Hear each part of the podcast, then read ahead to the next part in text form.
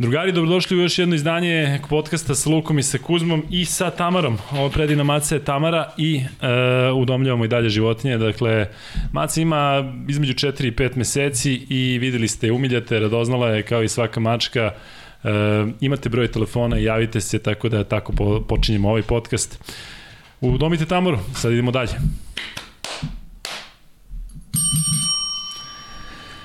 Zdravo, Kuzmo. Dobar dan, Luka. Zdravo Kolja. Ajde vamo Kolja. Skini slušalice i dođi opet. Nema, ne može da prođe da je Kolja tu, a da nije. Kolja se sećate iz podcasta broj 15-16. Kolja je, dođi s ove strane, ovde, ovde nisi sniman. Dete koje ovde isto je, šeta. Isto je ovako virio i tada. Kolja, e, da li se promenilo nešto, da li si postao poznat nakon učestvovanja u prethodnom podcastu tvog oca i mene? E, jesam, sad svi kad me vide znaju ko sam. A reci mi ženski i to? Ne. Čuj, ne, pa valjda je to bila poenta, zato smo ovi pravili. Šta ima kolje, šal na stranu, jesi dobar? Jes. Ocene u školi dobre, čim te tata pustio da opet dođeš ovde da ga... Da Tata ga je doveo da ga ostavi. Tako je. Zbog ocena. Kolja, e, dobro, vidiš tata ne da ja sam sad teo s tom pričam još pola sata, ali vremena, dobro, čoveč. dobro. E, dobrodošli u još jedno izdanje, broj 19 e, podcasta sa Kuzmom i sa Lukom. Ovo izdanje je za nas posebno zato što ste nas svi hvalili, pa ćemo sad mi da se pohvalimo kako ste nas svi hvalili. Sad Kuzma ti nastavi. Da, i možemo da se pohvalimo da imamo rekordan broj e, gledalaca. Za naš standard, ne, za naš ne, standard. ne, ne, ne u okru YouTube, ono, tako je, da smo tako prošli onaj Gangnam Style se ne. I sad imaš, ima, bile su anegdote, pa ću jednu da iskoristim, znaš, bio jedan igrač, kad su ga pitali koliko je pojena dao, nije bio siguran, znaš, pa opet, pa dobro, koliko si dao, pa nisam siguran, pa kaže oko 17-ak, znaš, hmm. tako da ja sad mislim da imamo oko 3098. to ti govoriš sada, to dok ovo krene, dok mi snimimo, pa da se onda pusti, kažem. Govorim, da, govorim za ovaj koji je prošao, 3098, Je, znaš koji, da li znaš približno koji je najgledaniji YouTube video? Ne. To ti je Baby Shark, pesma za, za bebe koji su napravili Korejci koji ima 10 milijardi. Ne vjerujem da ćemo baš do 10 milijardi, ali, ali čuvaj se da krenemo, Baby da. Sharku, nije, nije sve jedno. U svakom slučaju lep osjećaj da. zato što je bilo i puno komentara i mahom, ne mahom, nego svi su bili izuzetno pozitivni i sa nekim sugestijama. Na sve smo odgovorili ako sam ja dobro ispratio, zato što to i jeste smisao svega ovoga, a ne da se pravimo da smo neke, Toš. neke zvezde i da, da ne može niko da dopre do nas. Svi se zahvale uredno kad im odgovorim, što je takođe jedna divna stvar i pokazuje da ti ljudi koji to gledaju e, pripadaju nekim finim kulturnim momcima zato što uh, i, i, i dobijaju neki, neki odgovor od nas i mogu da dopru do sa nekim idejama koje zaista imaju smisla i kažem, unapredit ćemo. E, zadatak za Vanju, zamoljeni smo da odvojimo segmente, tako da ti onda ako budeš mogao u ovome e, za sledeći, za ovaj 19. da napraviš promenu tema, samo to, ništa više od toga.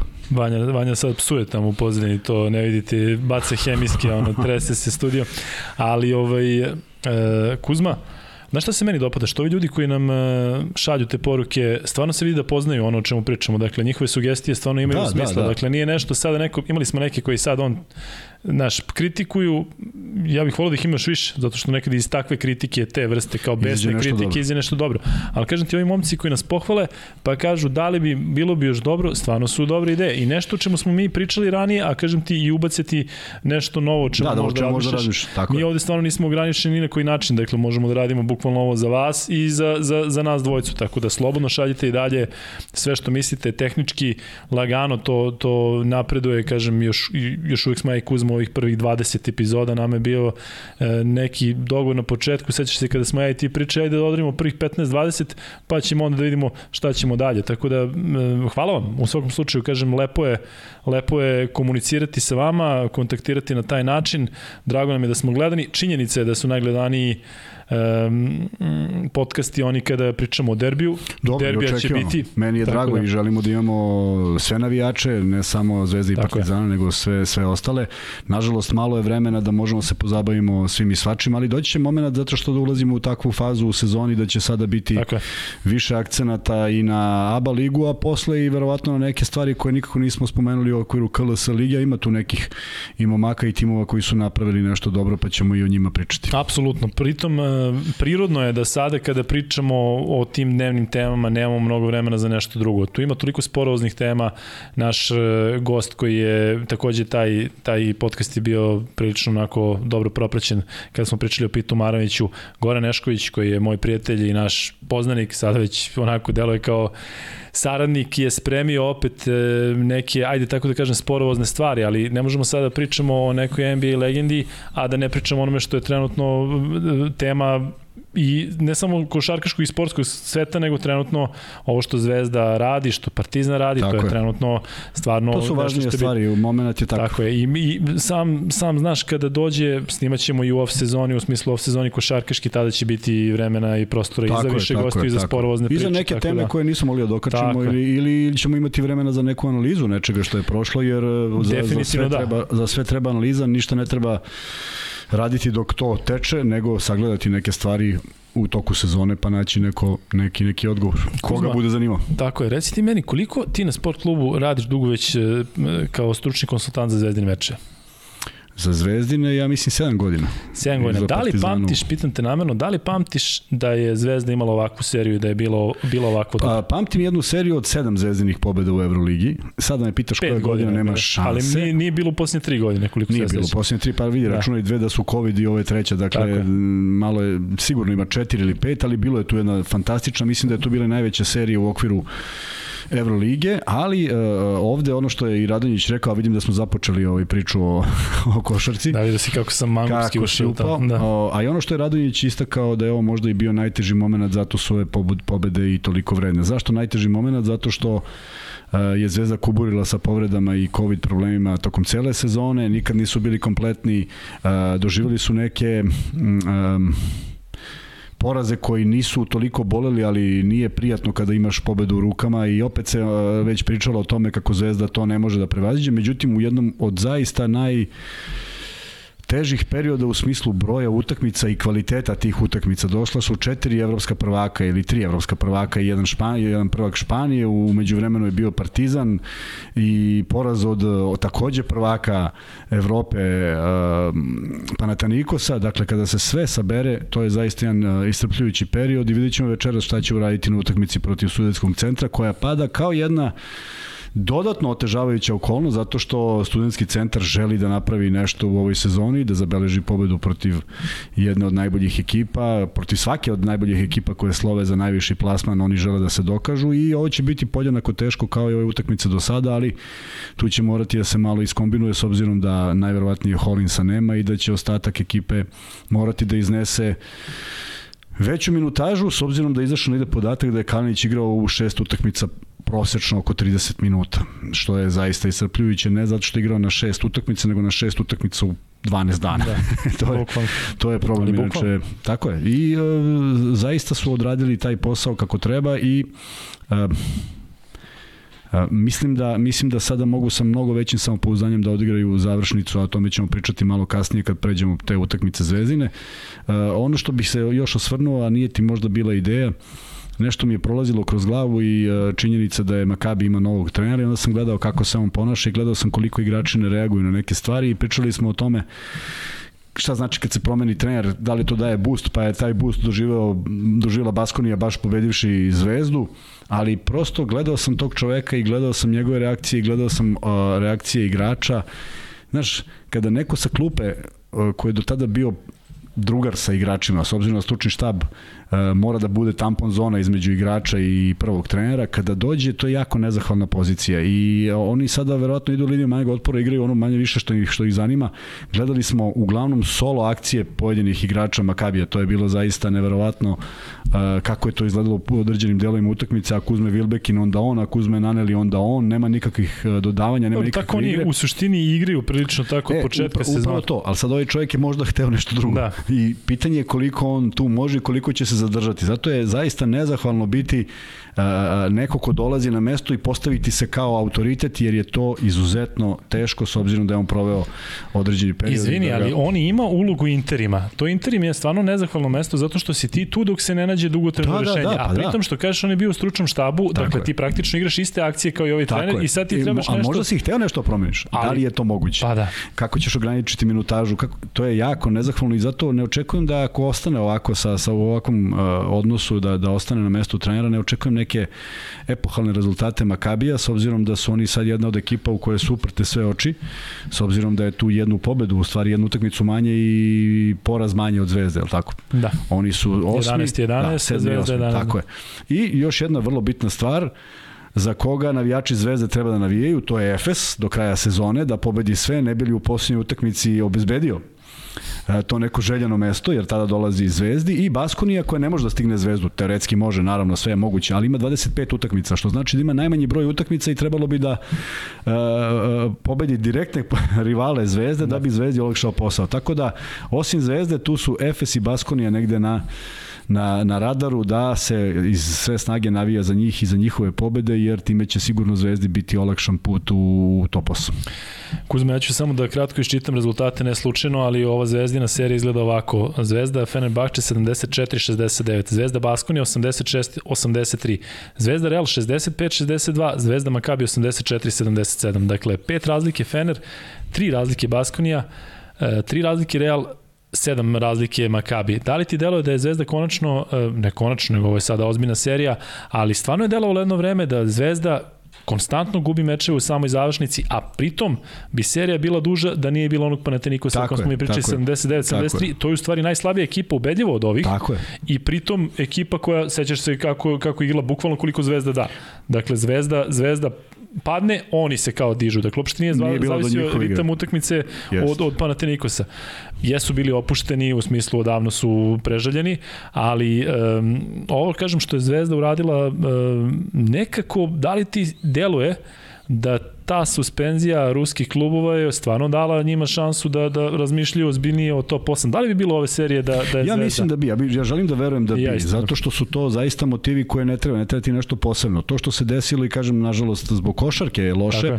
ali život ide dalje. E, e, mislim da sa ove četiri pobede, sad kad bi gledali kako je stara tabela, Zvezda bi opet bila konkurentna i onda bi žalila za tom pobedom protiv, protiv Panathinaikosa. Ovde je jedina razlika što za tom pobedom trenutno ne mora da žali, vidjet ćemo, nadam se da neće žaliti ni do kraja. Ali ono što se promenilo u Zvezdinoj igri, i ako neko želi malo može i da izanalizira, one utakmice koje je Zvezda izgubila u ovakvom u ovakvim završnicama, bile su mm, e, svodilo se na jednu ili dve ideje, kod jednog igrača je lopta, drugi igrač čeka, naprave nekoliko puta pick and roll na, na, na, na o, vrhu reketa i faktički su tri igrača u napadu i tri igrača u odbrani statirali i odmarali. Ovi su odmarali, a ovi nisu ništa, ništa konkretno radili. I e, Zvezda je utakmicu protiv Zenita na taj način izgubila sa toliko mnogo potrošenog vremena bez nekog učinka. Ove utakmice su izgledale drugačije. Da li je razlog zato što nikako nije mogla Zvezda da ode na neku osetniju prednost, pa je svaki poen bio bitan, ne znam, ali u svakom slučaju završili su i kako je treba da se završi, kako doliko je da se završi e, posle toliko truda uloženog i zaista e, ono što je naj pohvalnije jeste taj fokus u poslednjoj četvrtini svake od ovih utakmica. Govorimo samo o četvrtoj, dakle govorimo o nekim mom- momentima kada se u četvrtu ulazi u egalu, treba imati taj fokus, treba imati snage za to, treba naći prava rešenja. Bilo je negde i malo sreće, ali mislim da se sreća zasluži, s obzirom da je bilo i mnogo nesrećnih momenata u toku sezone, govorim nesrećnih u smislu lopta koja se odbija na neku drugu stranu ili u aut, tako da je ovo sve zasluženo i zaista mogu da budu ponosni na sebe, a Radonjić videli smo koliko je u ove poslednje četiri utakmice e, mnogo emotivnije doživljavao svaku pobedu, zato što i on počeo da shvata, počeo da shvata, nego i on e, ušao u tu fazu da je dosta bilo sa tim e, utakmicama koje su izgubljene na taj način i tražio je taj fokus i dobio ga i zaista može da bude zadovoljan apsolutno svim igračima u koji su igrali ne znam koja utakmica toliko ih je bilo ali u jednom momentu je bilo 11 strelaca na semaforu što znači da je svako ušao i dao neki svoj doprinos nikad nisam merio po tome Mislim da je Basko nije. moguće. Nikad nisam merio po tome koliko tu ko treba da poena, ali recimo ja mislim da je Lazarević dao nekad vrlo dva bitna poena u posljednjoj utakmici protiv Makabija. Najmanje se očekivalo možda da on sad tu nešto poenira komentira, ali poenta je što je neko našao njega u dobroj poziciji, što je on to iskoristio i toliko su važni da, da ne znam da li je važnije 20 ne, nečijih ili dva njegova u tom momentu. Tako da, e, to je, to, to je ono što krasi Zvezdu unazad nekoliko utakmica i uh, u, u skladu s tim ide činjenica da video si koliko puta su možda i propustili neku dobru poziciju za šut. Naravno što Lazarević kad je publika već počela malo da negoduje pošto je bio sam. Ne, Tačno, ne treba da uradi, došao da uradi nešto. Dodao je pas, neko je šutnuo, promašen je, skočio, nebu pod oblake, skinuo loptu, je to je njegov posao da, da, da da novi napad, a ne da on bude tu neko ko rešava utakmicu. E, sećaš se u jednom delu sezone smo pričali kada je Zvezda ovako kako je sada dobila meče u završnici, kada je u seriji gubila meče u završnici, pričali smo e, da li treba možda neko nov da dođe. Meni se sada čini, i ti, ti reci prokomentariši, da li ti deluje da sada ovakvoj ekipi Zvezda apsolutno ne treba niko. Dakle, sada da neko dođe sa strane, vjerojatno bi mogao da poremeti sad ovu, ovu hemiju u ekipi i ovo sve što se dešava.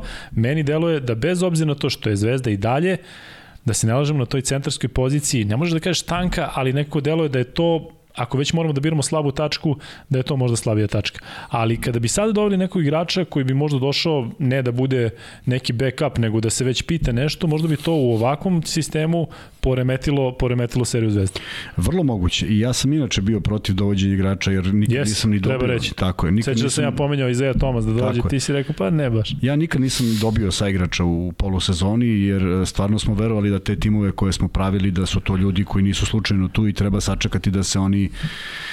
vrate u formu ili da uđu u formu kako god i divno je što je taj to dočekao i Holins, što je to dočekala Zvezda, što je on dečko koji je davao sve od sebe, ali potpuno jedan kontraritam, nešto ga nije htelo iz hiljadu razloga. Međutim, nikad ga nisam doživljavao kao igrača koji mora da 30 poena, pa ćemo mi svi na, na tribinama biti zadovoljni što je on dao te poene, a Zvezda možda izgubi. Ne.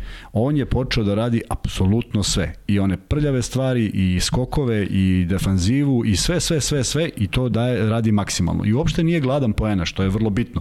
Dakle, njeko je njemu objasnio da to nije najvažnije, što je jedan veliki uspeh stranom igraču objasniti da statistika trenutno nije najbitnija, on se podredio kolektivu i jedino što sad, sad kad posmatraš i kažeš ova zvezda, potpuno si u pravu s jednog aspekta, ali ima i drugi.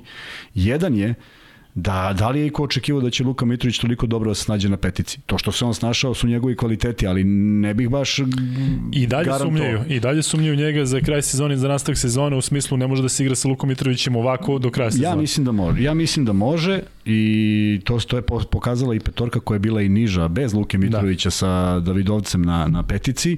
Dakle, sve je stvar nekog e, osjećaja, klikera, nije sve u snazi, ima mnogo snažnijih, pa nisu, nisu lako završavali u krajnjem slučaju Davidovac ispostavio kao jedan od uh, bitnijih faktora čak i u odbrani, pa čak i neku seriju od 3-4 utakmice imao i rampe, što nije neka njegova karakteristika, a sad kad smo kod njega, Ilija i ja smo u prenosu imali želju da Dejana dovedemo pred kamere kada se završi konferencija za štampu, međutim zakasnio iz prostog razloga bio, već je bila završena Dejanova konferencija za štampu Radonjićeva i da se jednostavno obrati javnosti. Dakle, dečko je rekao da se preziva Davidovac. I mi nemamo pravo da ga zovemo bilo kako drugačije. On to rekao i mnogo ranije. Znači, mnogo ranije, ali ja i dan danas dobijam poruke kad radimo prenos, nemojte molim vas. I sad hoću da objasnim i zato smo hteli da ga dovedemo i evo koristim, ovde nismo pričali o tome ranije, ali evo koristim priliku zato što je prosto tako čovjek se preziva i to je on izjavio, nismo to mi izmislili. Prema tome, kako god, ja sam i teo jedno vreme da ga zovem Dejan pa da svima olakšam da, da se niko ne ljuti ali u svakom slučaju kad smo kod njega fantastično moment, fantastičan moment za ulazak u formu, za jednu bitnu ulogu, da li je to 7 minuta, 15 minuta, 28, potpuno svejedno, ti vidiš da se tu nešto dešava, ti vidiš da je to smislena igra, ti vidiš da su to neki potezi koji su toliko jednostavni, a lepi, prema tome Zvezda je u dobrom zamahu, uh, ne moram da moram da spomenem i Kuzmića koji nije bio među dvocifrenima protiv Makabija, ali 8 poena i 8 skokova je nešto što treba uraditi u jednoj takvoj utakmici, tako da ja mislim da da je on odradio lavovski posao ove sezone. Protiv onakvih Makabijih igrača, tako je, uopšte, i uopšte u sezoni, a mislim da je neko kome su davali be, bez ikakvog opravdanja najmanje šanse. Naime, gledali su neke stvari gde stvarno nije se proslavio prošle godine, ali je radio tokom celog leta i napravio to da, da stvarno sad sad imaš veliko samopouzdanje, ima ekipa kada on dobije loptu i još negde mi se čini da žuri kad dobije tu loptu. On je izuzetno stabilan, ne bi trebalo da žuri prema košu. Desi se da ostane sa niskim igračem, malo mu se ubacuje u noge, onda on što pre da koš. Ne. Samo treba da se zabode, da se zagradi i da, da, da mnogo lakše poentira. E, postao je opasan, e, teško mogu da rotiraju sa njega i da ga ostave samog, a počeo je da dobro čita e, kada su udvanja, tako da je izuzetno koristan, možda i njegova najbolja sezona, ako ne računamo ono kad je bilo blokada Juda, Juda u onom u prepunoj areni. A, zadržao bi se malo na Kuzmiću, pa bi se posle vratio na Holinsa. Dakle, Kuzmić je, je neko ko je ipak, složit ćeš se, jako dobro počeo u sezonu, pa je imao jedan period Tako kao je, pa, da, da je naravno, pao. Pa naravno. I poču, počeli su ponovo ljudi da sumnjaju u njega, ali kažem ti, meni opet ti kažem nevjerojatno to da ljudi sada krenu, krenu da sa prozivkama Kuzmića, to je čovek koji ima NBA prsten i evroligaški prsten. Da. I koji je prošao onakvu saobraću nesreću. Tako, i, onako i svašta mu se dešavalo u životu. Tako da. je, tako je. I to je heroj... I imao tešku povredu i pauzirao godinu dana tako i sve to, dakle... Tako da svaki Kuzmićev taj poen i skok imaju posebnu težinu. Nije to, kažem ti, kao da dođe klinac u 23-24 godine pa sad se diže. Kuzmić je neko ko se ostvario po tom pitanju, dakle, kažem, on sad igra za zvezdu više srcem, u smislu da je osvojio čovjek Euroligu sa Realom, osvojio je e, NBA ligu sa Golden State Warriorsom, jeste imao epizodnu ulogu, ali kažem ti neko ko... ko... Da, nije bio tu slučaj, ne može baš da bude o tu bez O tome ti pričam, dakle, Tako nisu ga takve ekipe dovodile, dovodile Zato što ga vole. I kažem, što se tiče Kuzmića, posebno zbog te saobraćene nesreće, kada u jednom trenutku bilo pitanje uopšte da li će čovjek ostati Tako živ, a ne da li će igrati, kako se vratio, što ti kažeš, on je leto proveo, kako je proveo i to Sigurno, se videlo. Jest. I onda je došlo do tog pada, ali kažem, ima on je normalan, opštih. on je normalan, Tako to nema, nema, nema ko ne doživi Tako pad u toku sezone. Ali Međutim, kod Kuzmića je to nekako delo mi da postoje igrači zvezde kod kojih to ima veću, onako veći odjek nego kod drugih. Kod Kuzmića je bilo kao, evo vidiš, Kuzmić se pa ide Cirbesa da, da, naš, naš, nekako se da traži, kao da se traži razlog da se upre prstom u njega. Kažem ti, kada je neki igrač koji je, ajde tako da kažem, više omiljen publici ili ne znam tako kako drugačije da objasnim, neko delo da ima možda više više razumevanja. Kredibiliteta, pa da, nekoga malo sakrije da ne bude tako prstom u njega. Naravno, ali vidi, i on je eksponiran pošto je jedan centar. Jer da. Cirbes koliko god bio dobar i koliko god on neke, neke partije odigrao pristojno, nije on tu sve vreme. Dakle, imao je prvo probleme sa covidom, pa evo sad sa povredom dugi, dugi period, tako da nije, nije bila, nisu bili njih dvojica neko ko je rotirao, pa imaš jednog 20 minuta i drugog 20 minuta ili plus minus koji, koji minut više, prosto imao si Kuzmić ove godine mnogo više na parketu i ono što ljudi mogu da vide na njegovom licu, koliko se on zaista nervira kad napravi loš potez. Dakle, nije to njemu nešto što je on uradio pa sad trči nazad pa će u sledećem napadu ispari. Ne, on se stvarno, kao i Dobrić. Dobrić i Kuzmić su dva čoveka koji se najviše nerviraju. A pritom delo da nisu ti tipovi koji sad pokazuju emocije samo da bi ljudi videli. Ne, stvarno ne, vidiš ne, da ga stvarno, boli. Da, da. Dobrić promaši neku kontru ili polu kontru i on kao da je promašio gol u 94. minutu. Isto da, za slobodno bacanje, kažem ti, tačno tako vidiš, brate. Tako je. A ja, negde kad smo se susretali, pošto ja njega ne znam, ne znam, nismo mi prijatelji, prosto znamo se i sveta košarki i zaista mi je drag kao neko ko, ko daje 160%, ja samo rekao, problem ti u prezimenu. Dakle, da si Lošić možda bi, bi bilo sve jedno, ali ovako, nemoj rekao da, da svaku, svaku, to nije greška, nije, to je sastavni deo košarke, nije, nije to neka greška. Greška je kad baciš nekom loptu u ruke i trči u kontru, to je greška, ali ovo da ti promašiš ili se nešto desi, pa koliko je puta bilo kome se desilo promaši zicer iz ovog iz onog razloga. Ali on to doživljava i dalje teško i ne stiče, ne stiče neko iskustvo što samo njemu može da remeti da. A, razmišljanje. Inače, i on u pojedinim momentima izuzetan i on imao povredu ramena pa ga nismo videli dve, tri utakmice pa kad se vratio nije to bilo to. Dakle, vuku, svako vuče nešto od ove izuzetno naporne sezone protkane bolestima, povredama i činjenicom da je sve krenulo bizarnom povredom Vajta koji i dalje nije svoj. Da kome i dalje treba vremena i Ali opet deluje da znači mnogo. On apsolutno ne, apsolutno znači, ali bih ali bih e, na primer ja ja večeras rekao da igra 40 minuta. Uopšte nema veze šta će da uradi na, na, na protiv sudijskog centra. Samo da se on vrati u život i da se vrati u samopouzdanje da, da kad primi loptu šutne i da to bude ono njegovih onih 66,6%. Ne mora više od toga, ali da bude precizan zato što mu je potrebna minutaža koju na evroligaškim utakmicama osete i protivnici ne može da dobije. Nije on još uvek uh, spreman za to. E, vratio bi se na Hollinsa. Da li ti deluje sada kada se ne stabilizovao, nego sada kada Hollins stvarno daje ekipi mnogo? E, da li ti deluje iz ovog sada ugla da je Zvezda stvarno sjajno prošla u, u tome, u, na toj relaciji sa Zenitom? Dakle, da li su Lojda, Lloyd, ja mislim dan danas da se on ne bi uklopio u ovakvu Zvezdu, kao što je prošle godine, sećaš se, on je fantastičan igrač i odličan strelac, ali nekako ispada iz, iz uh, okvira ekipe. Hollins, što ti kažeš, Amerikanac, stranac koji je uspeo da se, da se tako adaptira, da li ti deluje da, da, da je to u stvari jedna od e, glavnih stvari što je Zvezda ove sezone potpuno drugačije delo u odnosu na prošle sezone kada je tim bio relativno isti, dakle oni su nije to bio trade, ali u Zenit je otišao Lloyd kao ne znam strelac, kao neko ko se ko je dao onoliko košao u, u, u bitnim trenucima i došao je Hollins koji stvarno radi te male stvari za Amerikanca, ovo što rade on Walters za Amerikance, on Walters i, i White je stvarno redko viđeno. Ti znaš šta, šta su i ko su Amerikanci u timovima koji dolaze u, u, u pionir, dakle neko od koga očekuješ 25-30 pojena i ko mora da preuzme u završnici, mora da, da, da ima loptu u rukama.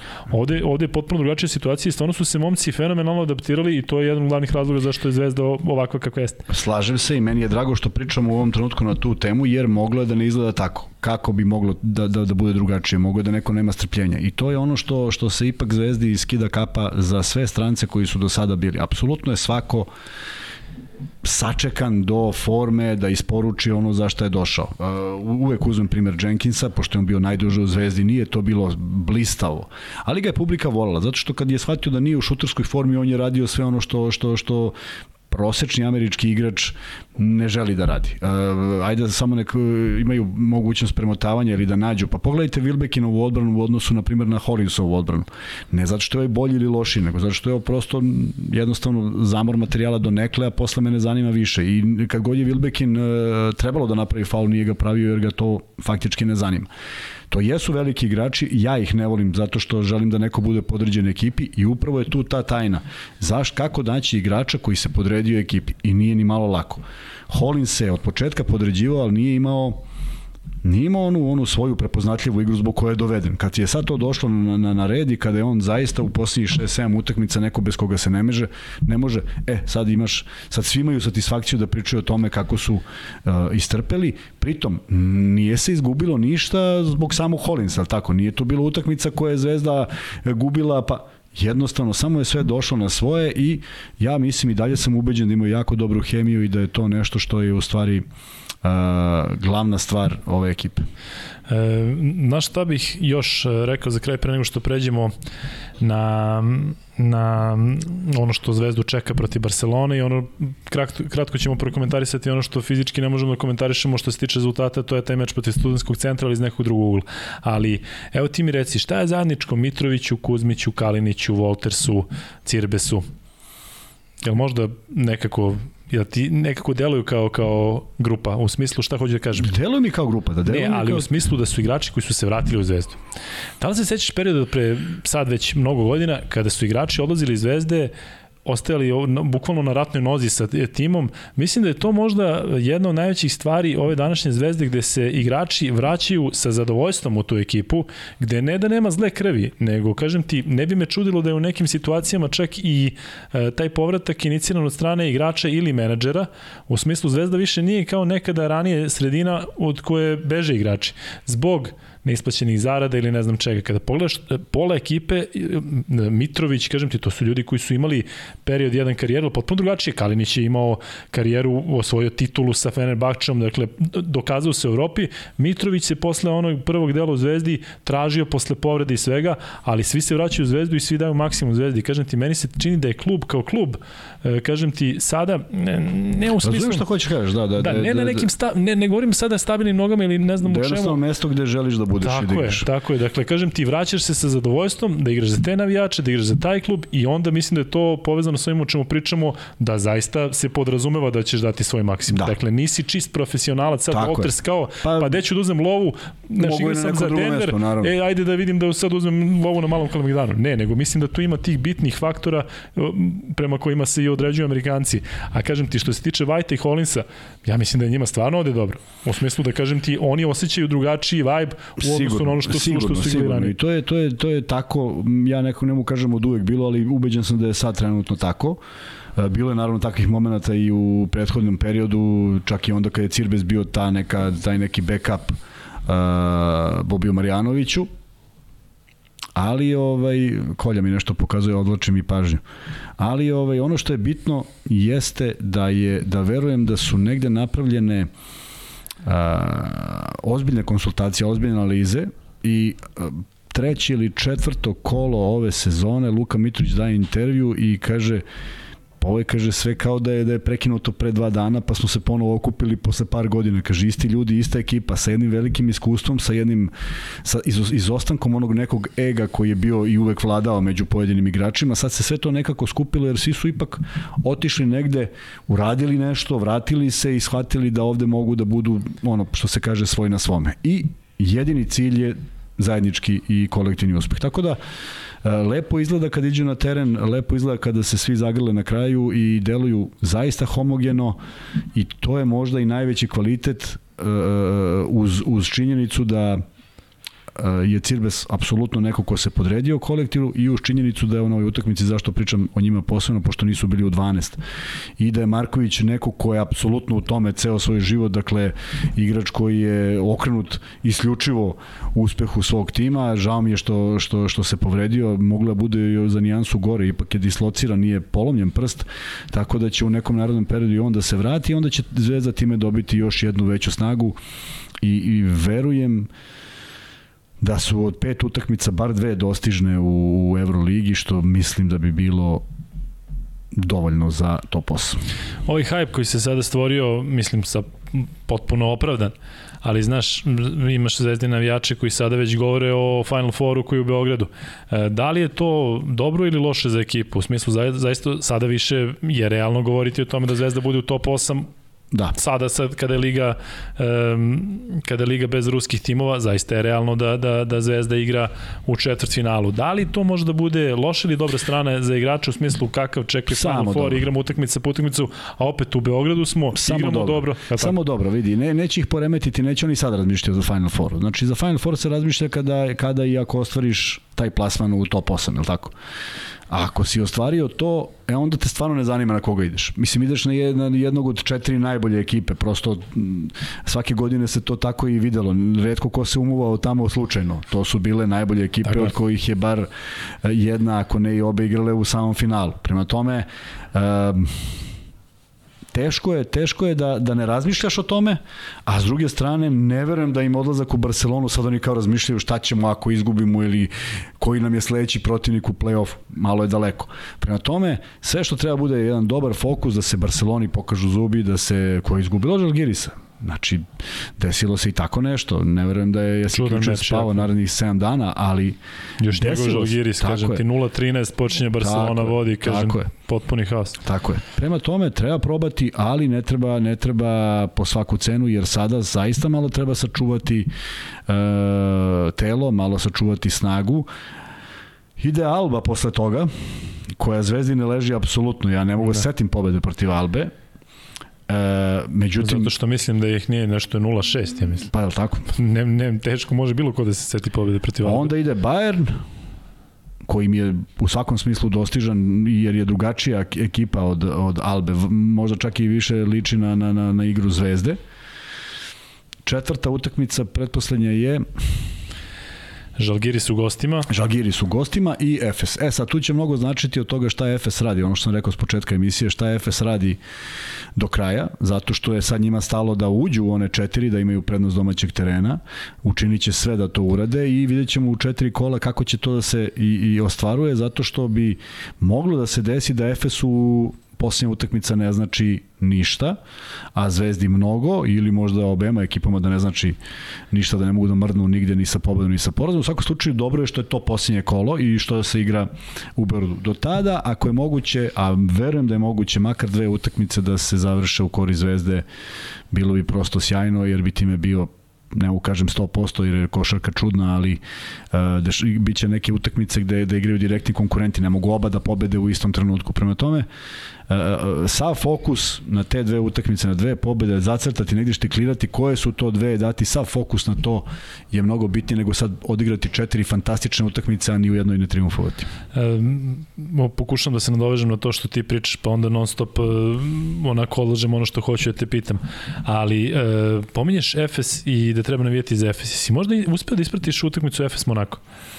Znači 20 razlike za Monako, kažem ti, a pominješ i Žalgir iz Barcelona. Ja hoću da kažem svaka čast onome, onima koji se kladi i pogađaju u Euroligi da, ovakve da, rezultate. Pa, znači kažem ti Efes koji podiže formu, Efes koji je šampion Evrope, ode i Monako ga razvali od prvog Minus. do poslednjeg minuta. Znači kažem ti, to nije sada kao, jeste bilo nešto u poslednjoj četvrtini, kao su se spustili na minus 10 ili minus 12, ali kažem ti, to je period od 2 minuta. Jedan Efes, kažem ti onako, to je Monako koji je od istog tog Žalgiri se izgubio na istom tom terenu. Kažem ti, tako da s te strane Euroliga onako ima jako, posebno jest, draž u ovom jest. trenutku, ili kažem ti, eto ta Baskonija.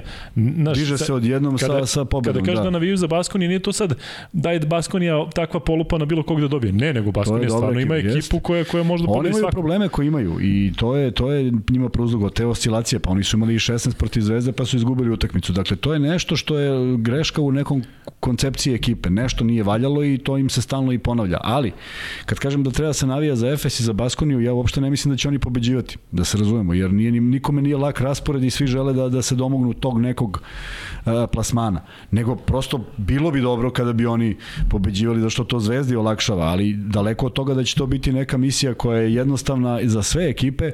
U ostalom pogledamo gde se sad u kom problemu se nalazi Fener koji je imao pozitivan skor sa ruskim ekipama koji odjednom potonuo pa je negde 11 i 12. Dakle, zaista veliki problemi gde oni moraju da se dignu, a sad se poklapaju utakmice gde će neko s nekim morati da odigra, pa će ili jedan ili drugi pobediti. U svakom slučaju, Zvezdu to zanima onako periferno, negde da posmatraju šta se dešava, ali je to nešto sam izveo kao, kao zaključak koji su to timovi koji ne mogu da ugroze Zvezdu, dakle ne može Efes, nadam se, i ne može Baskoni, jer mora Zvezda onda sve da izgubi Baskoni da stigne i opet bi Zvezda u istom broju pobeda imala bolji, bolji skor. Kada sam te pitao malo pre koliko radiš Zvezdu... Da, loši skor od Baskoni, izvin. E, kada, razume se. Kada ovaj, pričamo o Zvezdi i kada pričamo koliko dugo i radiš ti Zvezdu, e, sada idemo, hoću jednu širu sliku da, da pokušam da objasnim, zaista deluje da Euroliga nikada nije bila interesantnija. Dakle, ovo što se desilo sa Rusima, totalno je sve istumbalo e, i sada bukvalno svaki meč koji prenosimo na sport klubu, prenosimo ih naravno sve, svaki interesantan, svaki nešto odlučuje. Uvek imaš i neki, ili taj neki žlogiris ili panatrikus može da pobedi nekog pa da je mu tumba, ovaj se bori za playoff, ovaj se bori za četiri, dakle svako ima neku svoju računicu i kažem ti ništa nije zagarantovano. Ranije si imao te, ajde da kažem, mečeve koji, naš, Alba, Himki, nikom ništa ne znači, pa ne znam šta je ta Alba isto proigrala, oni igraju dobro, ja sam ih prenosio dva, tri puta u posljednje vreme, kažem ti, oni su u stanju da na svom terenu stvarno naprave problem ekipama koje dolaze kao favoriti. Ali kažem ti, nikad zanimljiva sezona, nikada više konkurenata, čini mi se, i za top 8 i za ove četiri pozicije e, koje obezbeđuju mesto domaćih terena, tako da biće, biće prilično zanimljivo do kraja. A, to može dvoje koja se posmatra. Imaš potpuno pravo da posmatraš tako, ali imamo još jednu još jednu pitanje, jednu jednu a, mogućnost da posmatramo. Do pre tri godine, pred COVID, uh, svi su otrkivali ko će imati najmanje poraza.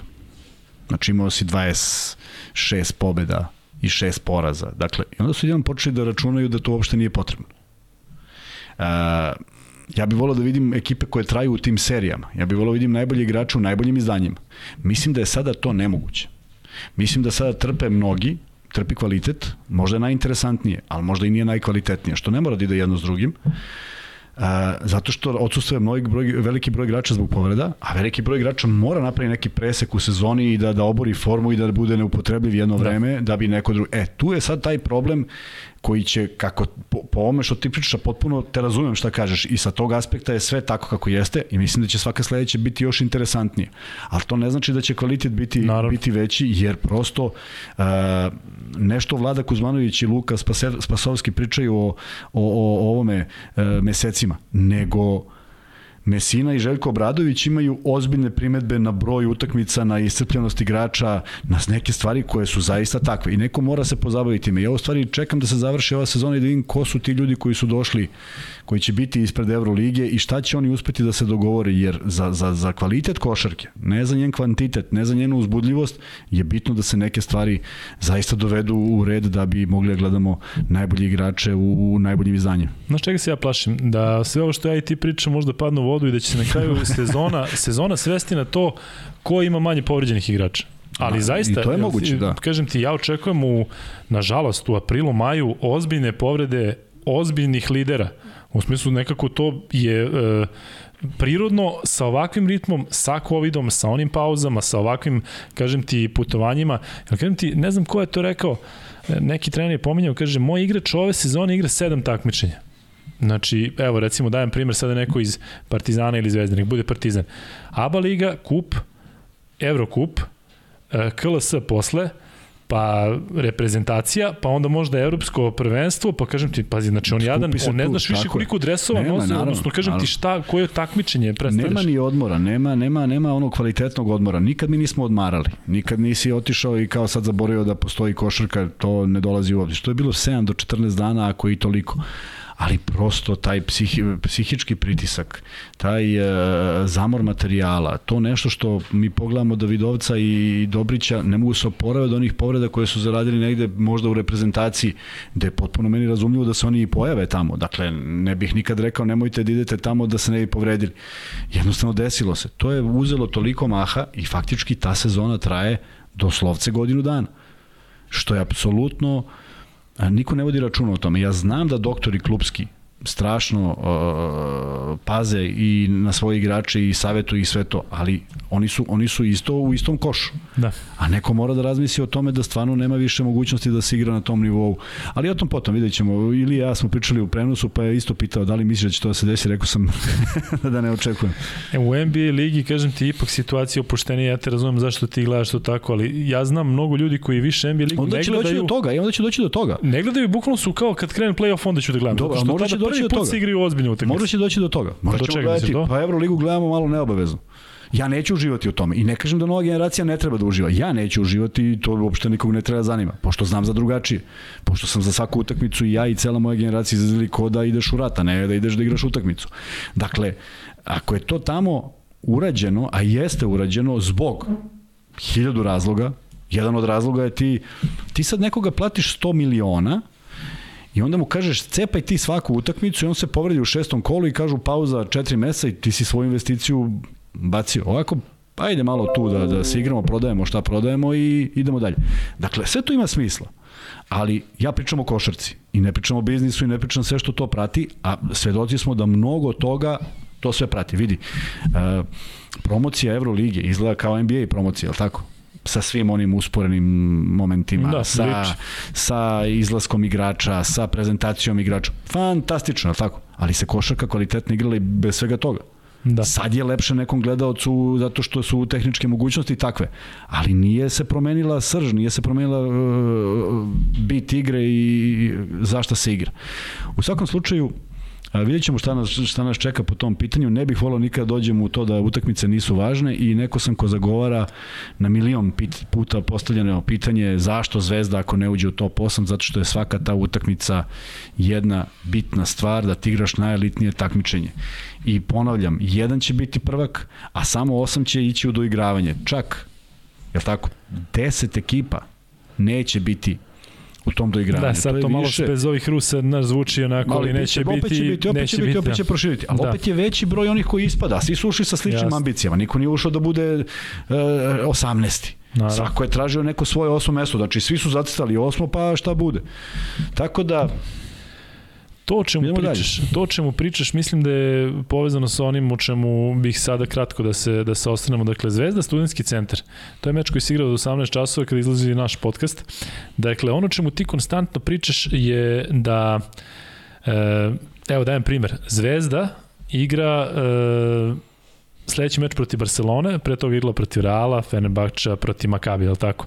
A studentski centar I apsolutno ne mislim da ovde podcenim na bilo ne, koji naravno, način samo tu igraju, ekipu. Tako je. Ali evo, sada ćemo se pozabaviti time sa kim igra studentski centar, dakle jedan uh, dobar tim iz Crne Gore, ali njihovi protivnici su pre Zvezde, dakle bili uh, Millennium, Lovćen, Sutjeska, Tivat, a posle Zvezde uh, igraju protiv Podgorice, ne protiv budućnosti, nego protiv Podgorice, protiv jedinstva, Tako je. Primorja i osetit će sad nešto novo. I je, kamo sreće da osjećaju više puta u godini. Kamo sreće da su im takve utakmice, jer tu se stiče upravo to. Zašto se ovde stvara jedan, jedan, jedan dobar tim? Zato što igra najkvalitetnije takmičenje. To takmičenje ne može... To si pominjao ti kada smo prišli Zvezdi i Partizan, ali pogledaj sad koja je već ovde razlika. Pritom taj studentski centar ima pristojan tim. Absolutno. Ima tri Amerikanci, ima ovog Erika Nila koji može da 30 pojena. Ali je samo stvar ko s kim igra i kako, kako treniraš. Jer kako treniraš, tako igraš. Ne može drugačije. Da. Ne možeš da dođeš na utakmicu i kažeš ja sam danas ovako, a sad ću da zapnem i... E,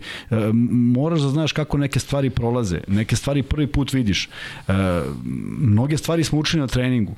Znaš, mi smo, mi smo menjali ekipe, pa ti dođe novi saigrač s kojim nisi imao prilike da igraš, pa da viš kad nešto uradi, tek tada prepoznaješ kako to možeš i da zaustaviš. Do tad si znao negde u teoriji, ali nisi imao prilike da probaš u praksi. Prema tome, ali s druge strane, to je ekipa koja će sigurno da učini sve da, da, da, da uradi i da pomrsi nekom račune. Prema tome, zato je bitna utakmica, a u pravu si što se odnosa tiče, uh, videli smo u Kupu Srbije, neće biti tako, ali taj nivo treniranja, taj nivo igranja je ono što možda i proizvedeš na utakmici. Čast izuzecima, bit će neki koji će odskočiti svakako. Zvezda Barcelona da, u petak... E, ništa, zaista, očekuješ? ništa. Samo da, da, ja uvek očekujem da pruže jednu dobru utakmicu, koliko god je to u njihovim mogućnostima u tom trenutku. Uh, I čak i Kalinić je rekao u posljednjem intervju da nije, nijednom nisu blown away ove, ove sezone i istina je zaista malo poraza pamtimo da je Zvezda bila baš nadigrana jedna je Baskonija u onom najboljem izdanju ovogodišnjem i drugi je i drugi je uh,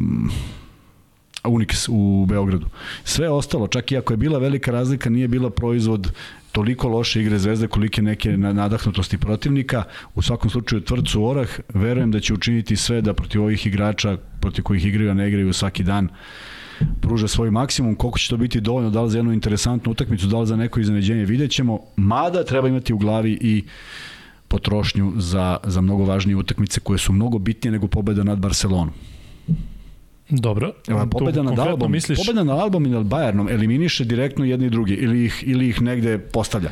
Pobeda nad Barcelonom je super, ali ako se izgubi od Alba i od Bayerna direktnih konkurenata, nije se dobilo mnogo. Tako, Alba postaje, postaje ozbiljni konkurent sa 9-12, dakle oni su je. trenutno 10 oni imaju, uh, trenutno su ispred Fenerbahča, što možda nije pravilno, to je isti te odnos između Zvezde i Makabi i Albi, da, Fenerbahča da. prvi, ispred su na tabeli, a imaju utakmicu da, više i poraz da, više, da. ali kažem, Alba je u ozbiljnom naletu, Alba je dobila Zato tri meča za redom protiv Olimpijakosa, protiv Žalgirisa i tako su prekinuli njihovu seriju, dobili su Asfal na strani. Asfal trenutno Asfal nije, je, da. pao je, ali opet to je normalno, vidiš šta se sa Realom desilo. Dakle, to je Zvezda imala u onom periodu, sećaš se kad smo pričali kada su protiv Monaka, jednostavno možeš da imaš neki pad u ovakvoj sezoni. Real je katastrofa, ti se sećaš kako izgledalo ono drugo polovreme Zvezda Real tamo u Madridu. I ovaj Real sada da, posljednjih pet ne, mečeva, naravno. kažem ti priča se promena trenera i kod njih ima raznih Tako je. raznih ovaj A što se Asfela tiče, valjda će ovaj eksperiment uh, braće Parker da da shvate da da ne može baš tako i da će možda nešto učiniti. A što ih sad sa ti Parkeri, su ti pa ti samo Amerikanci nisi ovo šta su ti sad TJ i Tony Parker. Pa prosto to je jedini trener koji ne može da bude smenjen u, u, u Euroligi. Pa dobro, bio je smenjen. On je vodio ekipu, pa je onda Mitrović vodio i onda su ga vratili i kao počeli da pljuju Zvezdana Mitrović. Pa zato ne valja, zato što to kad jednom da. urodiš desi se upravo ovo da se nađeš na pretposlednjem mestu. Da, reci mi, e, vreme je da pređemo na Partizan. Prvo bih te samo e, da se opet vratimo na našu priču. Željko Bradović u jednom, u jednoj izjavi rekao da je normalno i da ono priželjkuje da igrači tokom sezona imaju 45 dana pauze od tokom leta, A to toliko izgleda nemoguće, nemoguće sa ovakvim da. ritmom. Ja se sećam da mi su mi pričali igrači i kaže, brate, ako uhvatim 5 dana, da odem s porodicom na more, da odem prvi dan, pa dođem četvrti dan, da bi peti dan, ovo, dakle, 5 dana je danas premija za igrače, a Željko Bradović kao neko ko, kažem ti, ipak bi trebalo da se pita. Ne, on, ne radi on to zato što je on dobro čudni Željko koji bi isto hteo da pauzira i da ide malo da se provodi, nego zato što to apsolutno utiče na, na sledeću tako celu godinu. Tako, je, tako. tako da, e, ajde iz ovoga sada da pređemo na Partizan. E, da li si gledao budućnost Partizan? Jesu. I reci mi koliko je ovo u stvari um, bitno za, za, za Partizan, zato što znamo šta bi se desilo da je budućnost dobila taj meč.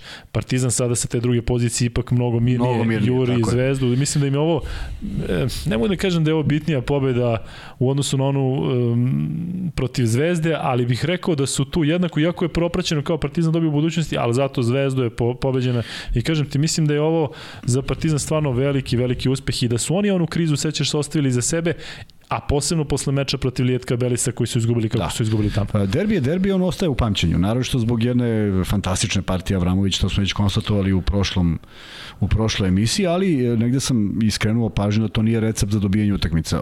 Lijetka Belis apsolutno potpuno diametralno suprotno jedna ekipa koja je mnogo skromnija od Crvene zvezde, je tako? I a, e, izašla je sa do, određenom dozom respekta i Čanka prema Obradoviću i Lijetka Beli, igrača Lijetka Belisa prema Partizanu kao šampionu Evrope. Izvini, prekidam te sada, ali sećaš se da smo u prošlom podcastu ja i ti pričali unapred o tome da će za Zvezdu, da bi ovo za Zvezdu trebalo da bude otrežnjenje da, da, i da, da ih da, podigne, da nije uopšte a ništa. da za Partizan tako. nije garancija da, da će, će da će sad i tako protiv Lijetka Belisa bilo jednom trenutku, vidio si kolika razlika. Tako je. E, i onda se vratimo sad Možda ono... smo zato toliko gledani, to hoću da pa, kažem. najverovatnije. Ali sad da se vratim na one komentare dobronamernih gledalaca apropo radovanja. Sad, sad valjda razumeju zašto sam ja protiv onakvog radovanja Avramovića. Ne znaš što imam nešto protiv dečka, naprotiv, u prošlom sam pri, u prošloj emisiji sam rekao da sam negde i pomogao da, da. njegov put i meni on vrlo simpatičan i volim tu energiju, ali prosto to moraš da isporučuješ onda svaku utakmicu. Ako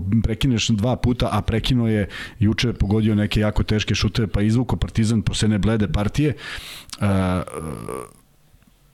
ne može ne, ne treba se ponašati tako jer nikad ne znaš šta dolazi, šta se valja iza brega, šta dolazi sutra i možda mu je jedna jedna dobra opomena. U svakom slučaju Partizan fantastičan start protiv Podgorice, protiv budućnosti. Budućnost nikad bleđa na svom terenu u tim početnim minutima i onda jednostavno jedno pristojno iskustvo koje imaju igrači Partizana, u, govorimo o igračima koji imaju malo više sezona u nogama, stalno su držali taj, taj ritam. Um, interesantno je da se Smajlagić nikova se vrati u neku formu juče pun uh, faulova, uh, Balša Koprivica možda najbolje izdanje i defanzivno i ofanzivno u ovoj sezoni, negde kao da se oslobodio. A i ono zakucavanje, vidiš da, njemu vidi, kako je sigurniji da je, ide sigurniji, tako je, tako je, tako da je počeo da eksploatiše svoj talenat. Uh, Panter naravno alfa i omega ekipe koje, u kojeg su uprte svi, svi pogledi, Madar toplo, toplo hladno, ali uh, jedna dovoljno sigurna pobeda da, da, da, da pretpostavimo da je napokon to u nekom smeru ide ka nekoj završnici, jer sad već svaka utakmica je bitna, jer jeste Partizan sad pobedio, ali to ne znači da treba da se opusti u, narednom, u narednoj fazi pa da doživi neki uh, neprijatan poraz. S druge strane dolaze sve teže utakmice Evrokupa, to sad moraju da budu sve sigurnije partije i ajde da verujemo da je ova protiv Podgorice s obzirom da je doslovce od, od, onih, od onog prvog vođstva kako je zabeleženo, tako je uh, to vođstvo i faktički održano, jeste budućnost došla u nekom momentu, ali su se vrlo elegantno vratili u vođstvo vođstvo i za zasluženo pobedili gde je budućnost izgubila jednu veliku šansu da izbegne razigravanje. Koje je dovoljno besmisleno, a ja smatram da ABA Liga ima puno besmisla, pa ne znam da li si video raspored. Dakle, ovako, Pod, posljednje utakmice Evrokupa se igraju 6. aprila. Da, pričali smo da, da. 8. aprila se igra posljednje kolo ABA Lige. A onda se polufinale igra 15. maja. Znači, Zvezda i Partizan od 8. igraju te svoje utakmice Evrokupa i Evrolige, koliko ih još bude bilo. Ali nemaju ni jednu utakmicu mesec, šest nedelja. Ja ne mogu to da shvatim. Prosto ne mogu da shvatim. Znači, ako je neko hteo dobije neku interesantnoću, pa sad će u prednosti biti čak one, možda one ekipe koje budu razigravale, pa budu naletele na te dve ekipe, možda će biti u prednosti zbog nekog igračkog ritma, ali da bude tolika pauza koja sad, pazi ovo, kada, kada bi se gledala posljednja utakmica a, finala play-offa, to je negde u junu. Kad ide onda ona Superliga, jel ide? KLS. Da. Pa ide, Jel ide uopšte? Da ide. Pa kada ako se ovo završa po nekom programu 6. 8. juna? Ja prosto e, e, e, zemlja košarke mora da vodi računa o svojim Dobro, košarkašima. Ne pita se ovde, nažalost, ne pita kako da se pita kada ti Aba Liga. Ne Šta da znam, da uradi? Ne znam. Šta da, da ja, kako e, ja stvarno ne znam, ali, ali tako da je već 12 godina. Da li veruješ da znam neki koji su, koji su zadovoljni tim uh, tim rasporedom zato što razmišljaju, e, kada konačno se sada završi Aba Liga, moći ćemo u ključnom trenutku da se posveti Partizan Evrokupu, a Zvezda Euroligi. Da razmišljaju tako u tih mesec dana, Tako je. Sav fokus Tako ide je. na ovo što je verovatno većini navijača i bitnije i zanimljivije. Slažem se, zato je napravljena ta rupa, ali ta rupa dovodi do jednog, kako bih rekao, možda i regularnosti takmičenja. Ne možeš ti da. sad imaš mesec dana, pa to se svašta promeni. Kako ne? Još posebno tada će biti pa, nekih prelazaka i dolazaka. Ko, ma, sam Bog zna šta se tu dešava. Da. Tako da sve je neobično, a, a, a, a traje već dugi niz godina. Zato što se, nažalost, uh, ABA Liga završava u momentu kada mora da se završi, a to se uvek poklapalo sa nekim uh, Final Four. Pa i sada, uh, tebi je Final Four. Šta ako Zvezda završi na Final Four? Šta se onda dešava? Šta onda, Časkom odigra finale, polufinale protiv Partizana, pa onda ode malo na play-off pa nastavi. Pa čekaj, ili će ga ponovo pomeriti. Dakle, govorimo o nečemu što mora da se napravi scenariju. Ej, ovo sve može da se desi, uzmeš sve opcije i kažeš mi ćemo onda da se ponašamo ovako, da bi izbegli sve moguće nesuglasice, jer stalno je neka ad hoc situacija koja se rešava da. u hodu. Ne valja, zato što gubiš na, nekom, na nekoj regularnosti, na nekom smislu svega toga, a verujem da može da se izbegne. Plašim se da ćemo još više pričati o ome kada dođe, Sigurno, dođe da. do, do tog momenta pravog ukrštanja. U svakom slučaju Partizanu sad predstoji jedno, uh, možda i Lijetka Belis ono što je bilo potrebno Partizanu, što je bilo potrebno Zvezdi. Ali izvini, Lijetka Belis opet nije, opet se vraćamo na ne neko da žarkaške stvari. Ne, ne, ne, nego mislim Partizan je igrao protiv nede, u nedelju uveče onakav derbi protiv Zvezde. I utorak u 18 sati on igra u Litvaniji pa protiv Lijetka Belis. Pa znam. Ti nemaš vremena da se raduješ. Pa nema li ovi, ne, slažem se. Znači, ne... Lijetka Belis je u neku ruku očekivan kao u smislu praženje protiv Zvezde, pa sa sledeći meč tamo. Ali Vidi, u Željko, 48 Željko izjavio, sati... I Željko izjavio da tu priču ne, ne prihvata. Pa on je rekao to verovatno zašto mora da kaže. Pa dobro, ali ja mislim da, da, da, znaš, ja mislim da, ne znam, nekim njegovim saigračima i savremenicima to da li igrao danas ili preksutra nije bilo mnogo važno. Da, ali govorim opet kažem ti ideš, letiš za Litvaniju. Sve stoji. Ali znači, je to kažem ipak... ti u ovoj situaciji, znamo šta se priča u Litvaniji, ti imaš uh, intervjue na internetu gde se priča kako je Litvanija sledeća, sledeća da tamo možda se proširi ovo što se dešava u Ukrajini. Kažem ti, sve to izmešano u kod jednog igrača koji u nedelju uveče, ti znaš da kada završiš onakvu utakmicu, kada završiš u 10, 11 dođeš kući, ti ne pre 4 sata ujutru u, pod onakvim adrenalinom. I onda, kažem ti, prespavaš i sutra putuješ za Litvaniju i već sutra ti igraš protiv ekipe, kažem ti, koja Ne Dobre. želim da pocenim to, ali taj recimo litvanska košarka koju prenosimo na našim kanalima ima 10 ekipa.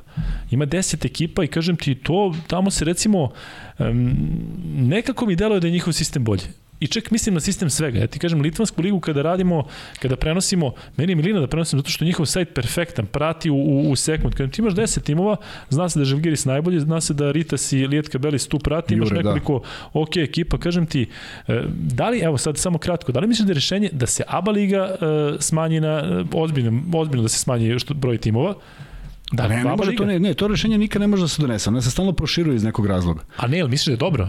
Ne. Saba Liga smanjena 10 timova. 10 da, najkvalitetnijih ja, timova da ne? u regionu. To, to je sad ono ponovno, ponovno pitanje. Za koga je pravljena? Ona je napravljena u momentu kada je Srbija imala prilično jaku ligu. Da. A Slovenci su izgubili, a Hrvati su izgubili. Da li sad oni hoće? Oni su ipak neki u vlasnici u udelu, je li tako? I oni žele da imaju svoje zašto i kako i da imaju svoje ekipe. Ove godine ako boraca verujem da hoće, ipak je kvalitetna ekipa, zadrži zadrži e, plasman i bude pet srpskih ekipa, Ne znam ko ulazi iz ABA ligi, ABA 2 ligi, ali taj koji uđe može da bude i šesti, verovatno. Znaš, ima da. tu sada hiljadu nekih pitanja da će, jer je boja za ABA lige bila da se ne napravi liga samo od srpskih klubova. Pa ako je to kvalitet koji imamo, zašto da se ne napravi? Mislim, ne bi bio ni prvi put, ni poslednji put. U svakom slučaju, uh, otrežnjenje možda dobro za, za Partizan. Ne verujem, mislim da, da nisu mogli da sanjaju da će izgubiti tako, na taj način. I fokus na utakmice koje predstoje, Partizan još ništa nije izgubio, dobro stoji, mora da potvrdi tu drugu poziciju, ne znači to ništa, jedna utakmica se igra, vrlo je bitno da bude domaći teren, što je najvažnije, što Partizan teško da može da izgubi, ali nikad se ne zna, ne bih voleo da izgubi tu poziciju i da dobiju što lakšeg protivnika da mogu da, kada, kako se bude išlo korak dalje, kada se iz tih 8, kada ukrste u 16, kada se uđe u 8, to je već jedna onako mnogo drugačija priča, ima bar 4-5 ekipa koje pretenduju na isto to na šta pretenduje Partizan i biće zaista teško teško ako se ako se igra ne, ne, ne bude ta koja je konstantna. A, a deluje mi da još nije. Kažeš jedna od tih ekipa, jedna od tih ekipa stiže u Pionir, odnosno u Duranu Aleksandra Nikolić u sredu, to je ekipa Metropolitana, odnosno Levalo A, Parize, kako da. se god zove, Partizan i, i uh, Metropolitan imaju trenutno skor 9-5. I ovo je direktna tako je, borba naj, za drugo, za drugo ne može ne može direktnije, tako dakle. Je. A znamo koliko drugo mesto, odnosno koliko ti svaka pozicija znači u ovakvom formatu formatu Evrokupa ponovo se vraća na budućnost, samo kratko komentariši to šta očekuješ od Pariza. E, zato mislim da je ovo što je Partizan dobio po Podgorici jako bitno. Vito, da su izgubili da ne, tamo, izgubiš da ne, ne, meč za drugo mesto u ABA ligi, tako, i već, pa izgubiš meč za drugo mesto u AMA. A, zato, i, zato i jeste način na koji su dobili bio dobar. Od tako. samog početka jedna, jedna, jedna uh, serija poena 13-1 je bilo u jednom momentu i to je do kraja održavano. I divno je što nisu održavali isti igrači. E, to je ono što je, što je, što je kvalitet Partizana, što se tu ipak pojavili igrači koji su to uh, uspeli da izdrže do samog kraja. Uh, Avramović maltene bez poena s početka, onda dve trojke kojima šalje jasnu poruku. Uh, Balša Koprivica kojeg smo već spomenuli, zaista onako Zagorac koji se probudio i odigrao jedno dobro poluvreme. E, nekako taj dečko mi je drag i stvarno bih želeo da ga vidim u njegovom najboljem izdanju od, od te 2015. kad smo zajedno bili u Linjanu i kada su postali evropski prvaci do 20 godina. Tako da ako su ako su u tom smeru i ako ako su sada neke neke boljke prevazišli onda ajde videćemo to koliko kad si rekao u sredu koliko u sredu, u sredu. jer to je jedna od najbitnijih utak prva prva ona znaš ona koja ne sme da se da se izgubi sve ovo bilo nadoknadivo. Ovde bi bio veliki potres zato što se bojim da da bi taj poraz prouzrokovao um, još veću onako prouzrokovao bi krizu jer sad nema, više ne znaš gde si i šta možeš. Nadam se da će Partizan to izbeći. A Partizan pritom igra protiv ekipe koja je u fantastičnoj seriji. Samo kratko da kažem da su oni pobedili taj Asvel u domaćem prvenstvu, da su oni pobedili ekipu Orlana koja je pristojna ekipa, da su pobedili u vrlo ubedljivo Hamburg koji možda nije neko merilo, ali su ga razvalili, bilo je nešto da, 30 da, da, razlike. Da, da. Dakle, oni su usponu forme. Pritom je uh, taj Pariz ekipa koja je prošle godine u martu pobedila Partizanu, Partizanu u Evrokupu. Oni imaju uglavnom drugačiji tim, Partizan ima potpuno drugačiji tim, ali dobili dobili su u Beogradu u martu prošle godine. I e, opet kažem, taj meč koji je Partizan dobio u Francuskoj, kada je bilo puno domaćih navijača, ne treba da bude merilo u smislu hoću da kažem da e, Partizanovi navijači misle, aha, dolazi Pariz, njih smo pobedili, to je lako meč. Naravno. Pritom, a ja ne bih dao uopšte ulogu velikog favorita ne, Partizanu ne, meču. Ne, čak jer, znaš, kao Zvezda, budućnost, sada ćemo i... Znaš, ne, ne, mora, mora da se mnogo odradi, jer videli su, pa kažem, opekli su se protiv Lijetka Belisa, ovo je daleko iskusniji protivnik, e, ne mu kažem kvalitetniji, ne ulazim u to, ali ekipa koja zna šta hoće. I ajde sada, ne znam što smo izbegli da pozdravim uh, Nenada Čanka, da mu čestitamo na pobedi. Mislim, negde u njemu se je goreo, u to sam ubeđen. Nenad je onako neko ko je u Partizanu proveo dosta i kao igrač i kao trener i znam da mu ovo koliko god mu je bilo drago negde, negde mu teže, teško pada jer, jer M nije očekivao, zaista verujem da nije očekivao, dobro je spremio koliko je spremio ekipu, videlo se dosta tipičnih igrača, dosta poena iz nekih situacija koje e, nisu običajene, ali zaslužena pobeda i mislim da je negde de, delom uspeo da uživa u svemu tome. E, negde smo se videli kad je bila pauza, pa je rekao da mu je jako fino tamo, da je zadovoljan, da dobra komunikacija sa upravom, što je negde i najvažnije, da je potpuno miran u svom poslu i evo jedna velika pobeda za njega. Niti to govorio slučajno, već znamo kako je se on proveo u Partizanu, da je došao kao trener, pa znamo kako je bio serija trenera koji su, nisu da, dobili šansu. Da. Nejan Čanik je tokom korona u onom prvom talasu trenirao sa suprugom u Hyde Parku i jedna ekskluzivna informacija iz Hyde Parka, supruga je u boljem, bolju kondiciji od njega. to sigurno. Zato što ona, ona trči, ona trči, kažem ti, ovaj, onako, na šal na stranu, kažem ti, ona brže trči, baš je spremna, ovaj, ali Čanak je, Čanak je sebe je ozbiljno izgradio tamo da, u tom da, da, odlično. I taj klub je, kažem ti, onako stabilan, stabilan i zna se šta nikad... hoće i stalno napadaju negde iz prikrajka, kao što je bio onaj Neptunas jedno vreme. Tako je. Tako su sad oni preuzeli tu neku yes. poziciju od Lietuvosa i svaka mu čast. E, Kuzma, kratko, za koga najviše u NBA ligi? Sine? Za Denver. Za Denver, za Denver. Naravno, volim, volim ono, kad god počitam nešto, naravno da me raduje i volim da vidim gde god se pojavi, naravno da pratim Bogdanovića i pratim uopšte sve momke koji su, koji su odavde. Uh, ne bi mogao ti kažem sad ko je koji na tabeli, ali se nadam da će naši pobediti na kraju. kratko, uh, meni je drago što se, da se zadržimo na NBA ligu i baš kratko. Vraćaju se neki igrači kao što je Isaiah Thomas, vraćaju se DeMarcus Cousins, oni su dobili neke ugovore do kraja godine. Vidimo Isaiah Thomas da je nasmejan, da je u šalotu, sećam se da je na početku, početku sezone plakao.